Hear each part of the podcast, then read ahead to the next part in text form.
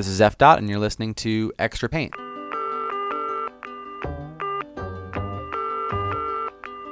Hey, my name is Eric Friedenson, aka F Dot. Extra Paint is a podcast for muralists, art lovers, and artists of all kinds.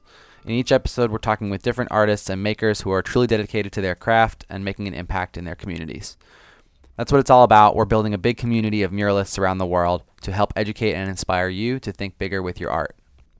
On today's episode of Extra Paint, we have Wyatt Hersey, who is an illustrator, painter, and muralist based in Chico, California. Wyatt has a really unique practice in that he's also a biologist outside of his art career.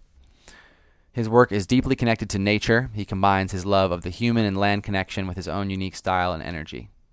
In this episode, we talked about how these two parts of his practice interact with each other and how he's finding balance and growth within his work.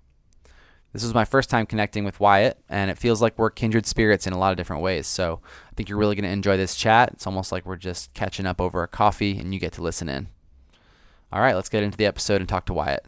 My name's Wyatt Hersey, and I work as an illustrator and uh, painter and sometimes muralist. And um, I do a lot of other things for work besides art. So art is just one of my livelihoods, I guess, at least it has been for the past few years and my other world besides creativity and visual art is um is like biology, conservation, wildlife and and then like environmental ed.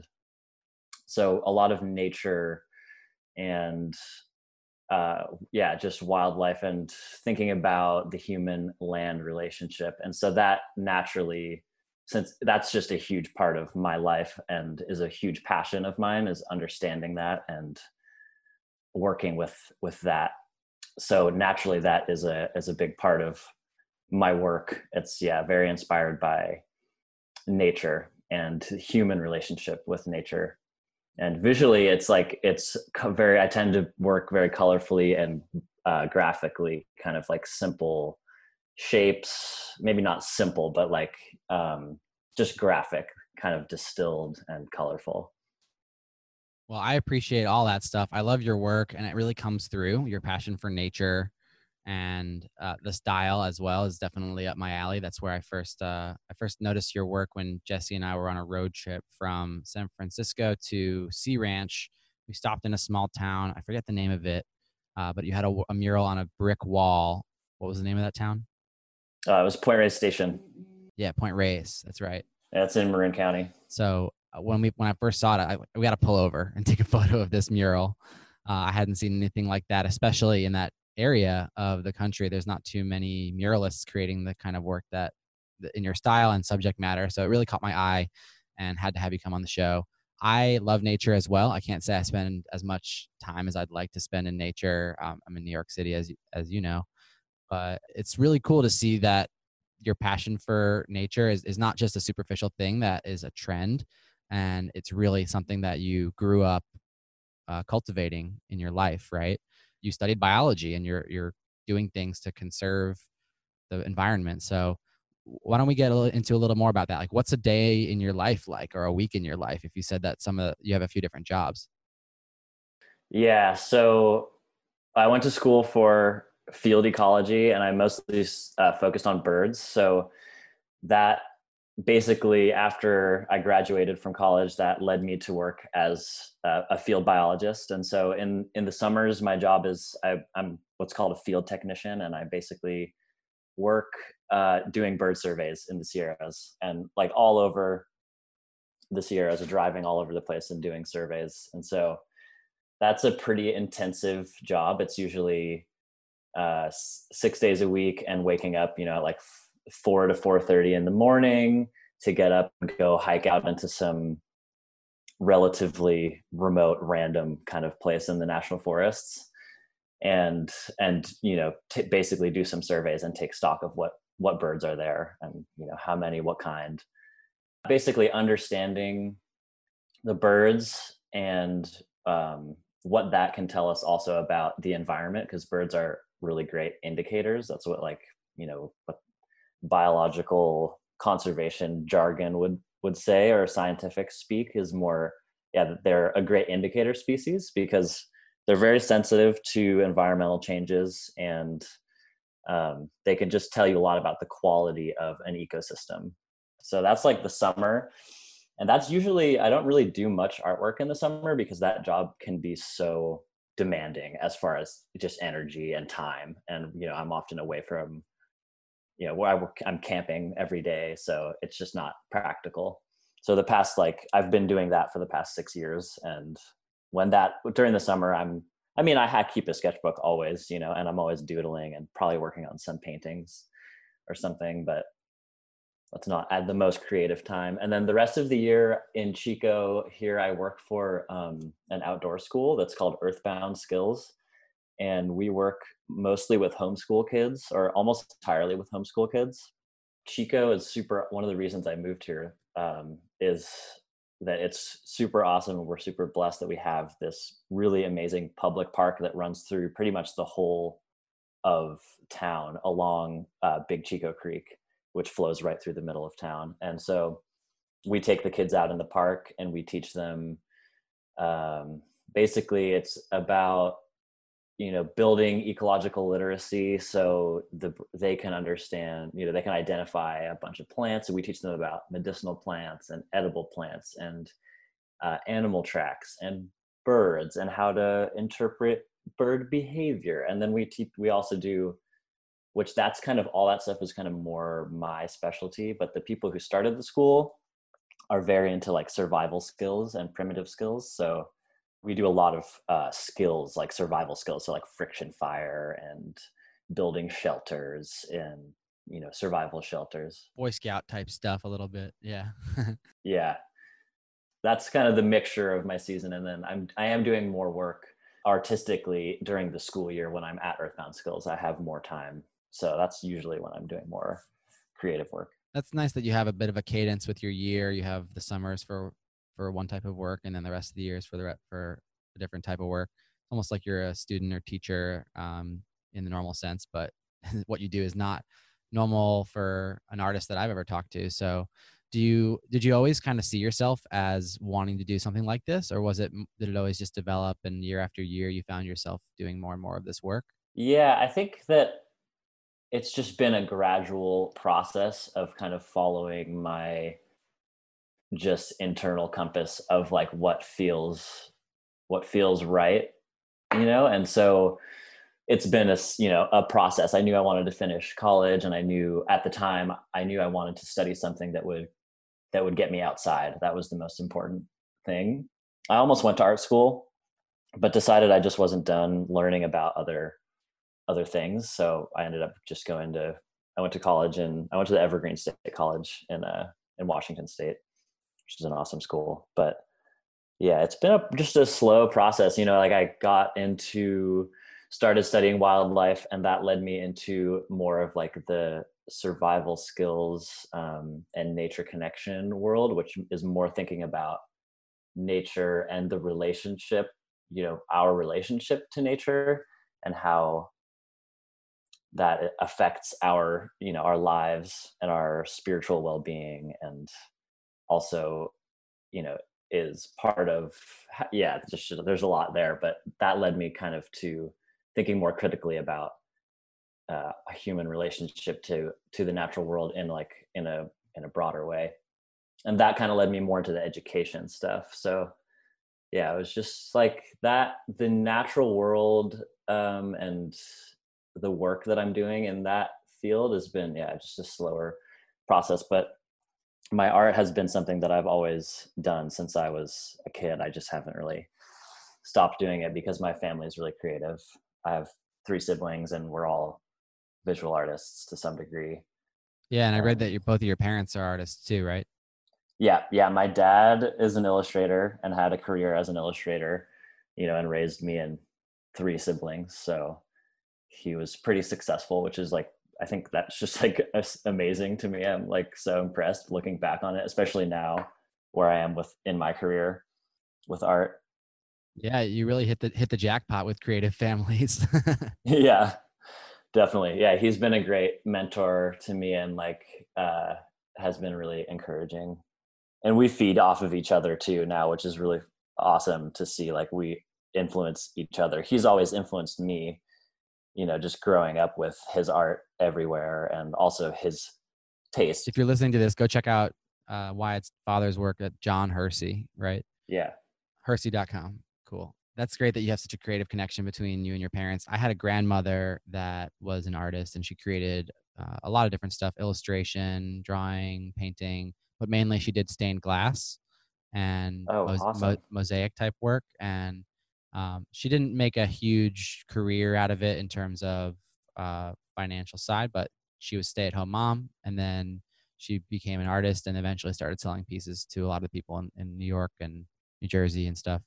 Um, and having that role model early on really shaped me. It just like knowing that a person could spend their life being creative and getting joy out of that and sharing that with others. And yeah. whenever I would go to my aunt and uncle's house, they would have a piece by my Nana there. And um, just the idea of spreading joy and connection and through art was really embedded in my youth as well probably not to the extent that it was for you but uh, I just love hearing other stories about that when because all it takes is one really positive influence, one creative influence to make you go on that path.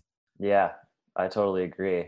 Yeah, and just having someone that's like modeling that seeing so that you, you know, younger people can see like, oh, this is something that you can do. Like you can just make these you can make stained glass art and that's your life. Like that's yeah. such a an important thing. Like i think that's what one of the reasons why i got started going down the wildlife biology path was because one of my professors when i was living in santa cruz she she was a uh, teaching at the community college teaching marine biology but she also was like a practicing biologist doing research. And so she would leave sometimes during I remember during my marine bio class with her, she left for 2 weeks to go do coral surveys at some like remote atoll in the Pacific.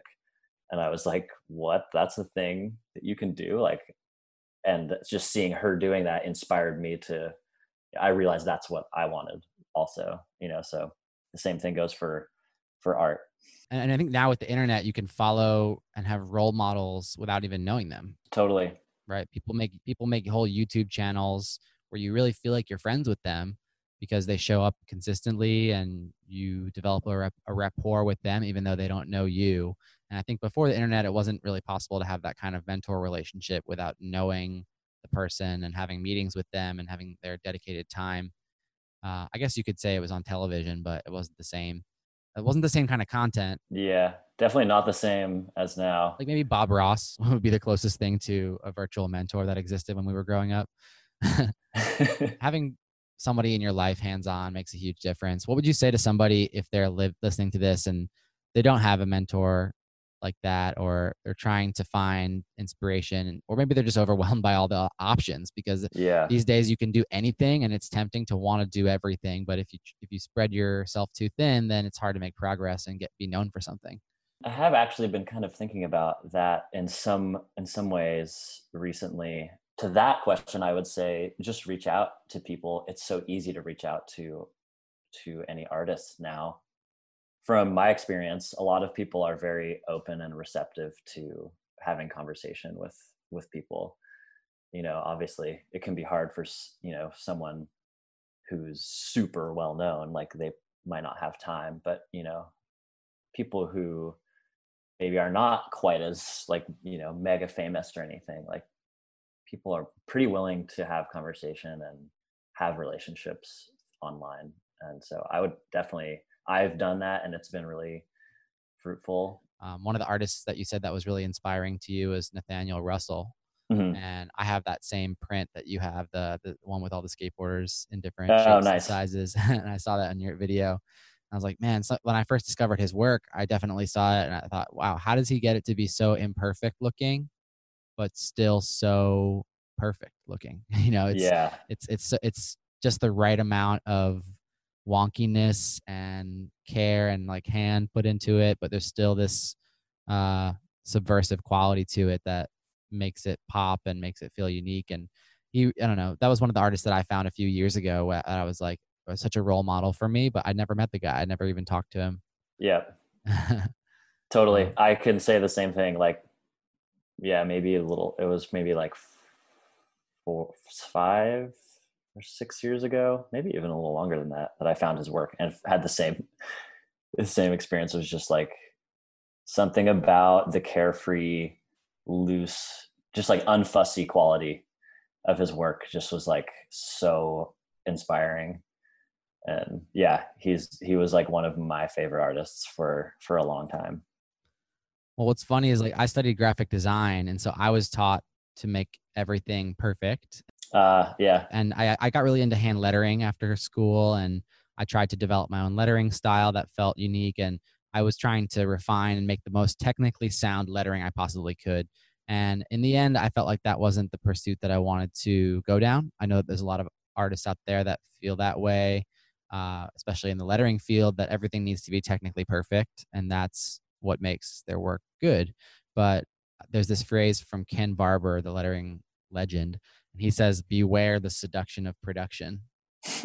And that's the idea that if something slick and polished and perfect doesn't mean it's actually the best and it doesn't mean it's going to sell doesn't mean it's going to be unique really and it, it can be tempting to spend a lot of time on a project or on an art piece to make it perfect when it was actually better before you started refining it. You know, that first sketch had a lot of soul in it, and then you've lost that completely by polishing it so much. I really am I'm glad that I snapped myself out of that and found that, you know, I'm not actually the kind of person that needs everything to be uh, refined in real life. Shouldn't my artwork represent who I am? And so once I had that click for me a few years back, I stopped following a lot of those artists that were doing the super highly produced slick stuff i didn't want to be influenced by it as much. So i started following more illustrators and abstract artists that were just having fun being themselves. Did you have a turning point like that or did you have uh, was it more instinctive for you like based on following your father's career or your siblings? Not so much. I think that i just like because i didn't go to art school or ever really think too critically about what I was doing. I think I just was doing what felt good, you know, from the time that I started art, you know, having like a personal art practice uh in high school. My art teacher then was so awesome and she really just let me and there were a handful of other artists that were um older than me in high school that like really inspired me to take art as something that was serious. Like they were just amazing illustrators already at the time you know that they were juniors or seniors in high school. And she really just my art teacher at the time she just let all of us kind of just do what we wanted to. She would give us some prompts but she really gave us a lot of freedom to just do do what felt good. And so i think since then having that kind of start and also just having a somewhat continuous connection of the creative process from when I was a kid, which is like, you know, you're not I wasn't trying that hard to I wasn't really thinking about it. It's just like this is something that I do. I've been connected to that feeling of of just doing doing things because they feel good and working you know on what I'm inspired by. How does that translate over to your to your client work though? Cuz I know with with client projects you got to work with what what's coming in and and I'm not sure if you do outreach to try to work with brands that you really like but I know that since you're an environmentalist there's probably certain companies that you feel that you might be hesitant to work with them and have you had any experiences like that where you had to turn down work because it just didn't align with your values? Yeah, I have not had that experience yet and I do do some outreach but basically the way that it's worked is that clients that I've worked with have have come to me because they've seen my work and it's very it's a very supportive kind of give and take, you know, where they're not trying to make me do something that I wouldn't naturally do. Um so so far it's been it's been great.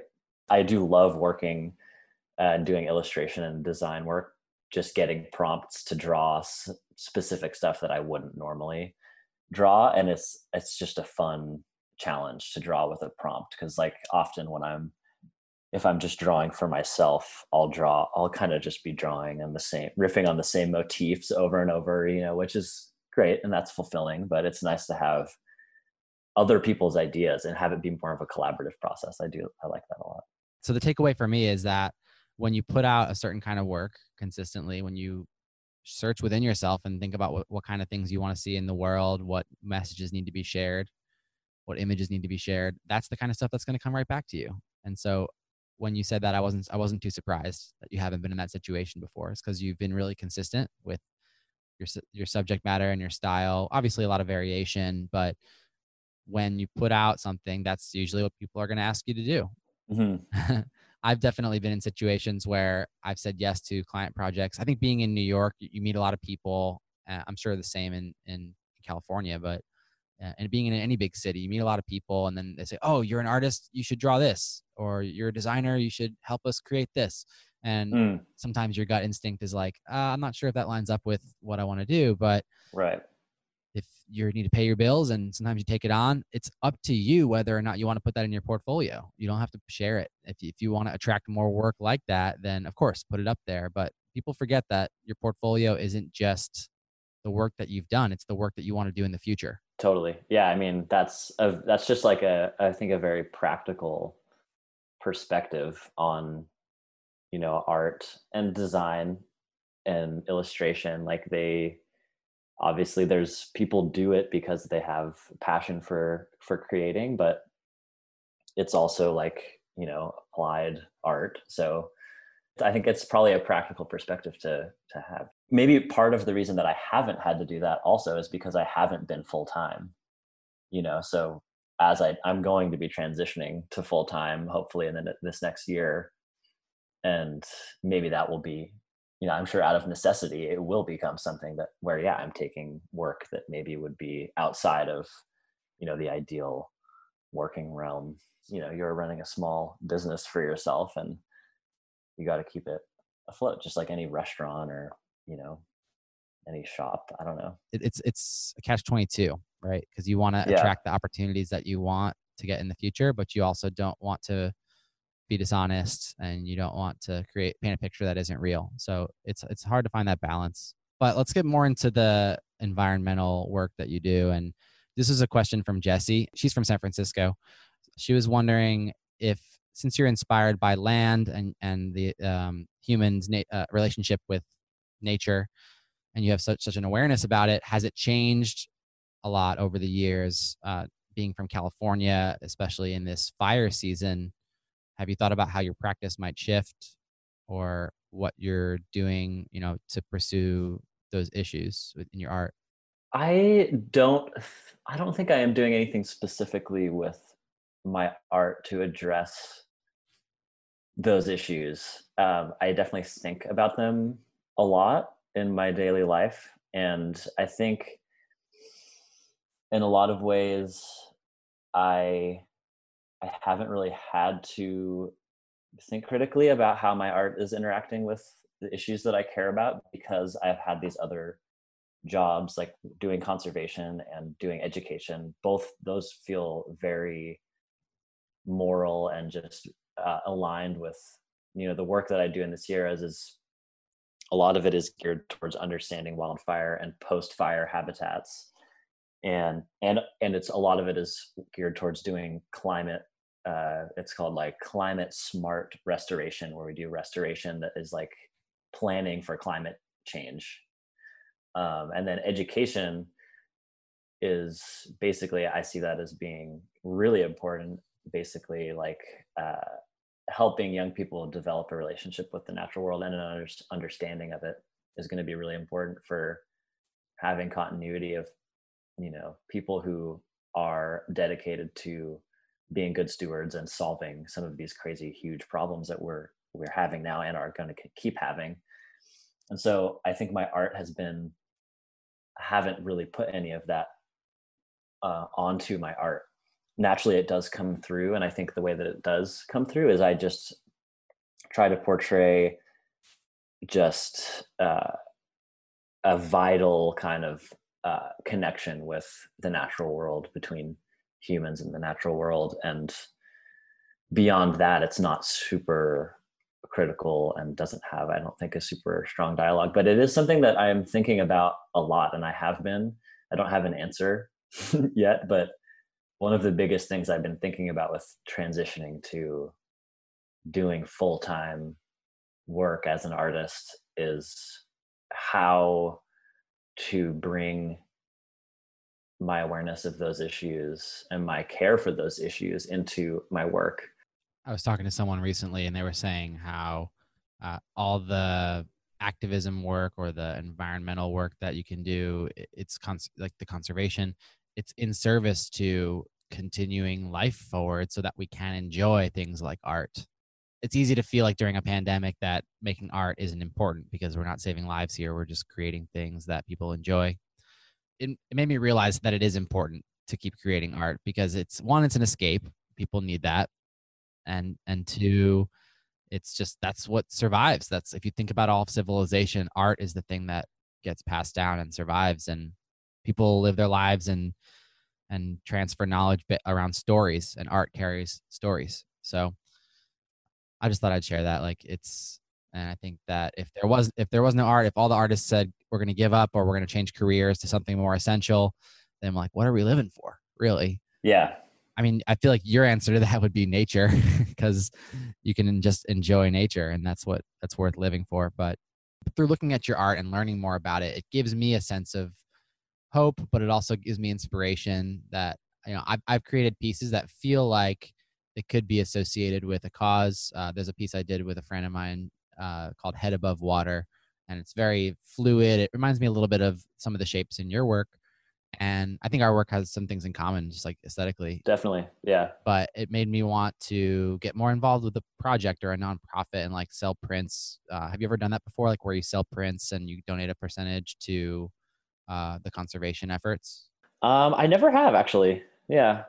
But I think that's like I said, you know, earlier about grappling with how to have a benevolent relationship between those things I care about and my artwork. I think that's definitely like I've been really stoked on all the raffles people have been doing on Instagram lately and like I have friends here in Chico who you know, they recently just raised $6,000 by raffling off one platter that they made that had a painting on it that they donated to. I forget where they donated it to, but it was some police reform organization like some national organization and I'm like damn that is that's so that's awesome. Like just from one raffle her name's Maddie Hinkley she does craft and woodworking and also drawing but so I personally haven't done any of that but I am really inspired by seeing how successful other people are being are, are with that and that's like a, an awesome one of the really positive things about you know the social media world which can be so mixed is that that's a definite positive you know? Doing that kind of fundraising is a lot easier than it ever has been. Yeah just wanted to share that it's okay to keep your interests separate uh from your work and if you just got to listen to your gut with it. If if you if if you're in a season where you wanted to explore that then you can make a series and see how it feels and there is no right answer with with this stuff. Oh, for sure. Yeah. Let's uh let's talk a little bit about your murals and then I know I want to respect your time. We've been talking for a while, but uh this is a podcast for the muralists community, so people want to know about your process. So tell me about like what a mural project is typically for you. I know it it's very depends on the on the project, but what's your typical process for designing it and then executing it, uh the, the technical aspect of it? Yeah, usually I just do like black and white sketches in my sketchbook. That's usually so far how I have worked on compositions when I'm working with a client, like just you know, have a meeting with them and kind of get to know each other a little bit, look get to know what they're looking for and just get a feel for, you know, what direction we're going to go in and then yeah from there like ideally they'll send me some images of you know some of my past work and it could be anything. It could be a you know one of my a digital illustration i made or it could be another wall that i did or a painting a smaller painting.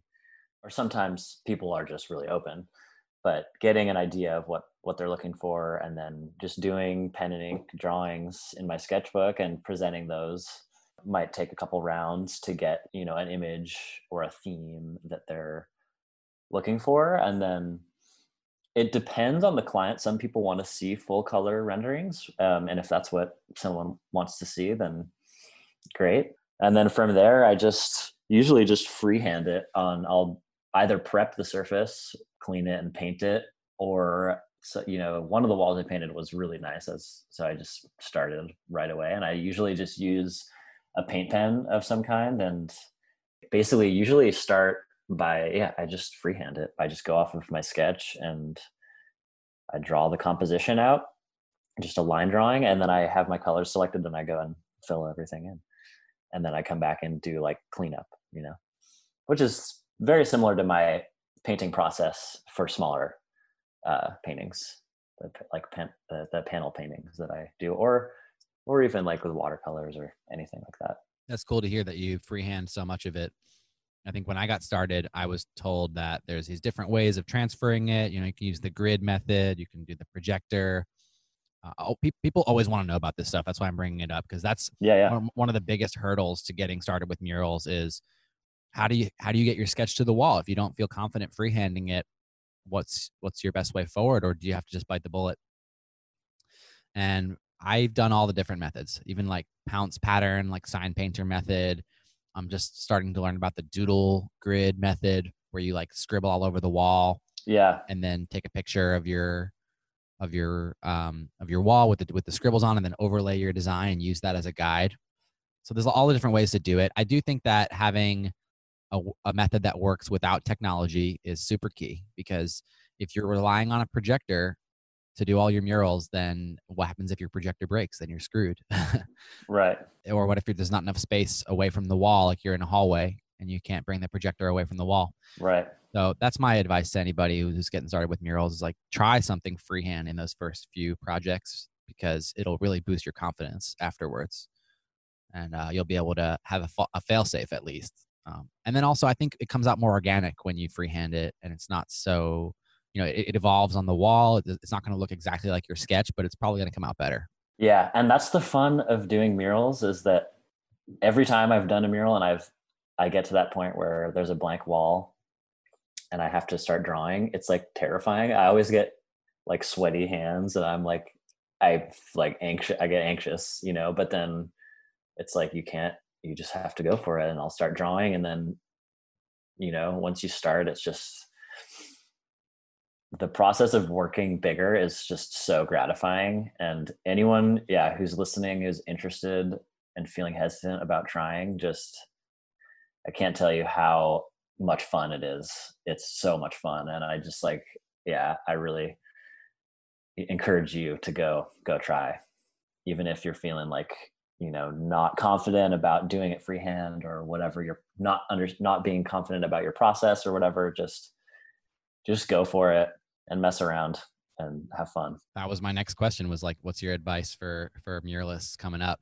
that's great. And that's exactly why we started this podcast and this uh community is just to help other people get into the, the mural game because it is so gratifying. It's a dream job when you can get murals scheduled out and you're like, "Yep, I'm going to make my career by or I'm going to make my living this year by painting murals." It just feels like it's it shouldn't even be possible, but it is and it's great that there's more demand for it every year. Um I think even even this year with the pandemic, people are still needing murals.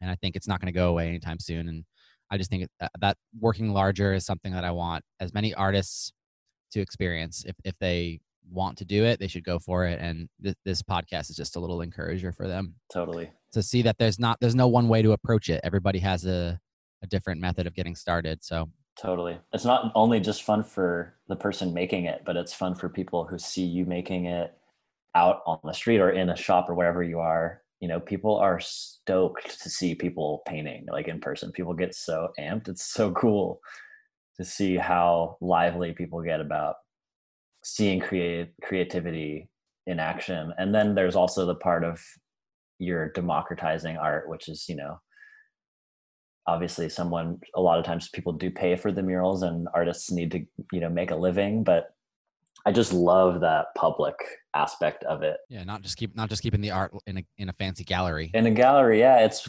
more it's just for whoever's there, whoever's walking around, walking down the street. You know, which is what I think art should be. It's it's just like kind of like bread, you know, or good water. Like everyone everyone needs it for to have a sense of well-being. And it's separate from like consumerism too which i really also love. It's like cuz the other form of that might be like graphic t-shirts or something which is you know i have like a massive collection of graphic t-shirts cuz i it's an affordable way for me to collect and appreciate art in my daily life you know?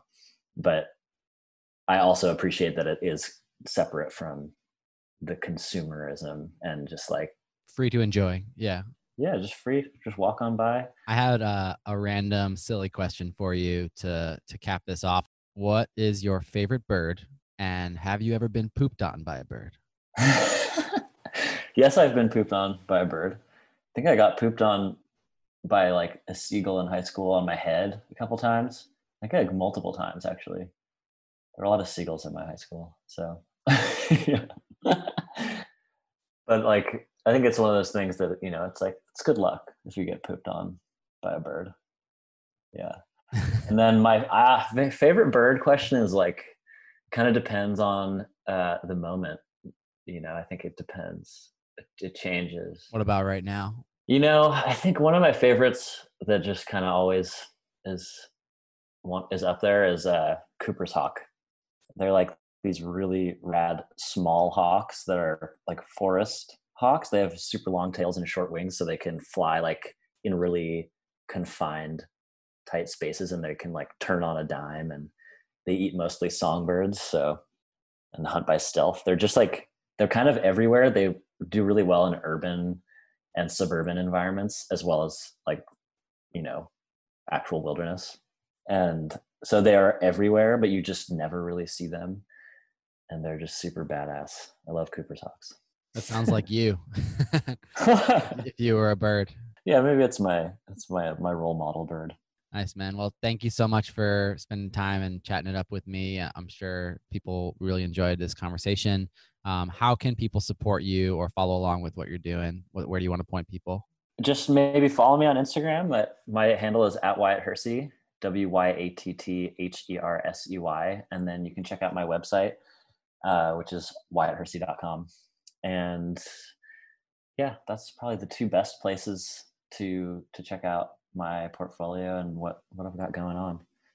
Do you have anything you want to support in terms of the environmental work uh, that you want to encourage people to look into or do you want them to just message you if they're interested to learn more? Yeah people feel free to to message me um if you have any questions about the work that I do or you're interested in doing work like that or you know and have questions anything like that i think if people are interested in donating and i'm trying if you want me to suggest something yeah. like that the one thing i would that i've been thinking a lot about that i think is really awesome there's a big there's a lot of talk in california about indigenous led land management and specifically fire because a lot of the California and a lot of tribes across the entire North America have history with using fire as a land management tool. And it's partly one of the reasons why wildfires are getting so big now is because the fire that native people were tending on the land is ab has been absent for a long time because of basically you know the conquest genocide of native people and you know people were it was made illegal as a practice. So but there are a few groups that are doing work to bring back indigenous led like uh land management. And one of those is the Yurok tribe and I shared some stories like a few weeks ago about it. And I actually don't know where exactly to point you but I know they're trying to buy a fire engine right now and they're just leading the charge really in bringing back the, their cultural fire practices and it's something that we need.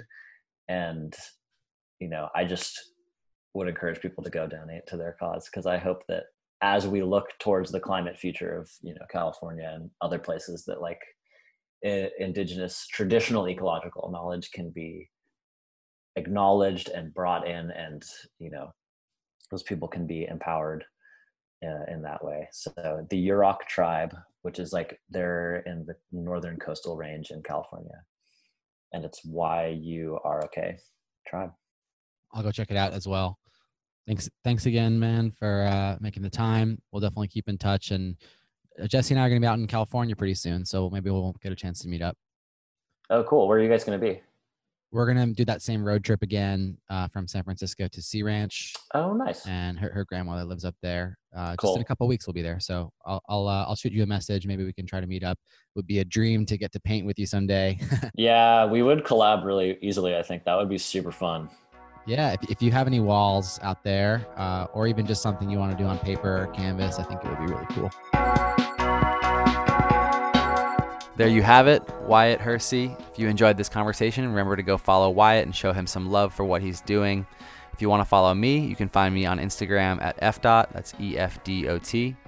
You can join our conversation on Muralists Instagram, that's just at Muralists. We share the best tips, tricks, and stories from our guests and muralists around the world. You can sign up for our newsletter if you want to get notified when a new episode comes out and also get some extra content coming soon. Thanks so much to Jesse Mordine for the back end help with Muralist Community and the podcast, and a big shout out to Anya Brennan for making this podcast sound so good. Thank you for all your help editing the show. Until next time, keep pushing paint.